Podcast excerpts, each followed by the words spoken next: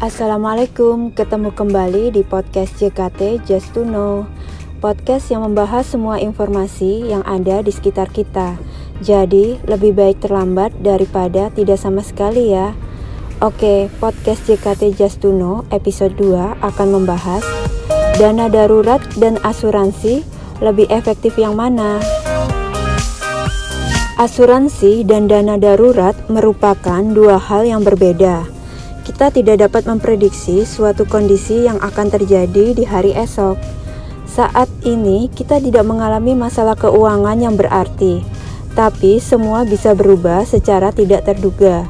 Meski tidak menginginkan hal ini terjadi, misalkan bencana alam, musibah seperti kecelakaan, PHK, dirumahkan, masalah kesehatan, dan permasalahan keluarga lainnya sehingga mempengaruhi kondisi finansial kita. Apa pentingnya efektivitas pada dana darurat dan asuransi? Dana darurat adalah sejumlah uang yang bisa digunakan untuk membiayai kebutuhan yang tak terduga atau darurat.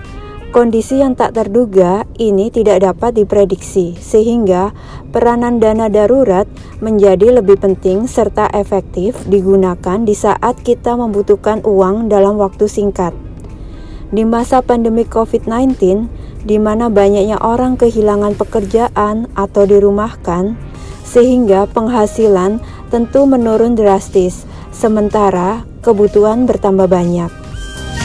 Alokasi dana darurat yang harus dimiliki ini tidak pasti, karena ukuran ideal setiap orang itu tidak sama, sekitar 3-6 kali lipat pengeluaran bulanan mereka, atau lebih untuk sebuah keluarga kecil yang ditanggung. Dana darurat harus disesuaikan dengan kebutuhan keluarga, status pernikahan, kondisi ekonomi, serta penghasilan yang dimiliki. Mulai persiapkan dana darurat sesuai kebutuhan, yaitu dengan mengatur pengeluaran yang tidak perlu. Analisa kondisi keuangan pribadi. Simpan dana darurat di rekening yang terpisah dan menabung dana darurat secara perlahan dan pasti. Sedangkan asuransi merupakan program penjaminan yang akan membayar sejumlah manfaat pada tertanggung jika terjadi resiko sakit atau musibah. Jadi, asuransi kesehatan hingga asuransi jiwa keduanya juga sama pentingnya. Karena asuransi sangat penting jika kita memiliki keluarga atau ahli waris. Karena kita tidak dapat memprediksi kondisi kesehatan atau musibah di akan datang di mana bila kita sebagai pegawai suatu instansi atau perusahaan, maka otomatis kita akan mendapatkan fasilitas BPJS kesehatan dari perusahaan dan atau asuransi kesehatan bagi pegawai serta keluarga.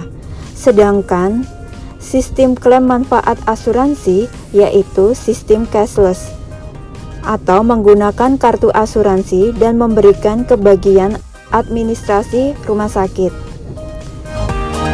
dan sistem rembes, di mana sistem cashless lebih memudahkan nasabah dalam menghadapi kondisi darurat di mana membutuhkan penanganan kesehatan secepatnya.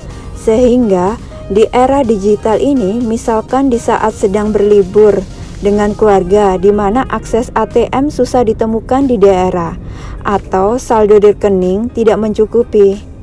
Maka Perusahaan asuransi akan menanggung biaya perawatan dan pengobatan selama masih dalam plafon yang berlaku.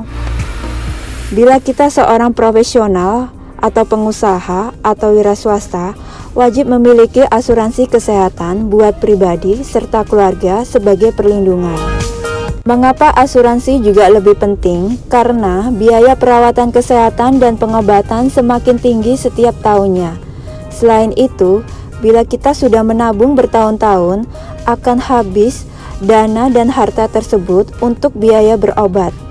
Bila kita tidak memiliki asuransi kesehatan, misalnya, memiliki asuransi adalah cara efektif untuk meminimalisir kerugian di masa depan.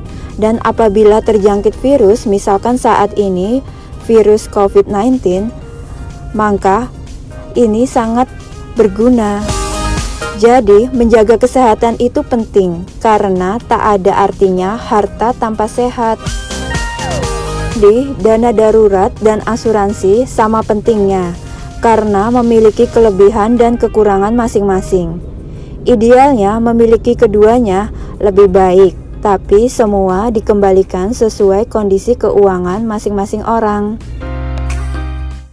Jadi, dana darurat lebih efektif terkait sifatnya lebih liquid untuk menghadapi berbagai macam kondisi yang tidak terduga yang datangnya tidak dapat diprediksi. Sedangkan asuransi kesehatan juga lebih efektif untuk meminimalisir kerugian di masa depan serta dapat memanfaatkan fasilitas kesehatan yang diberikan asuransi di mana biaya perawatan kesehatan dan pengobatan semakin mahal setiap tahunnya.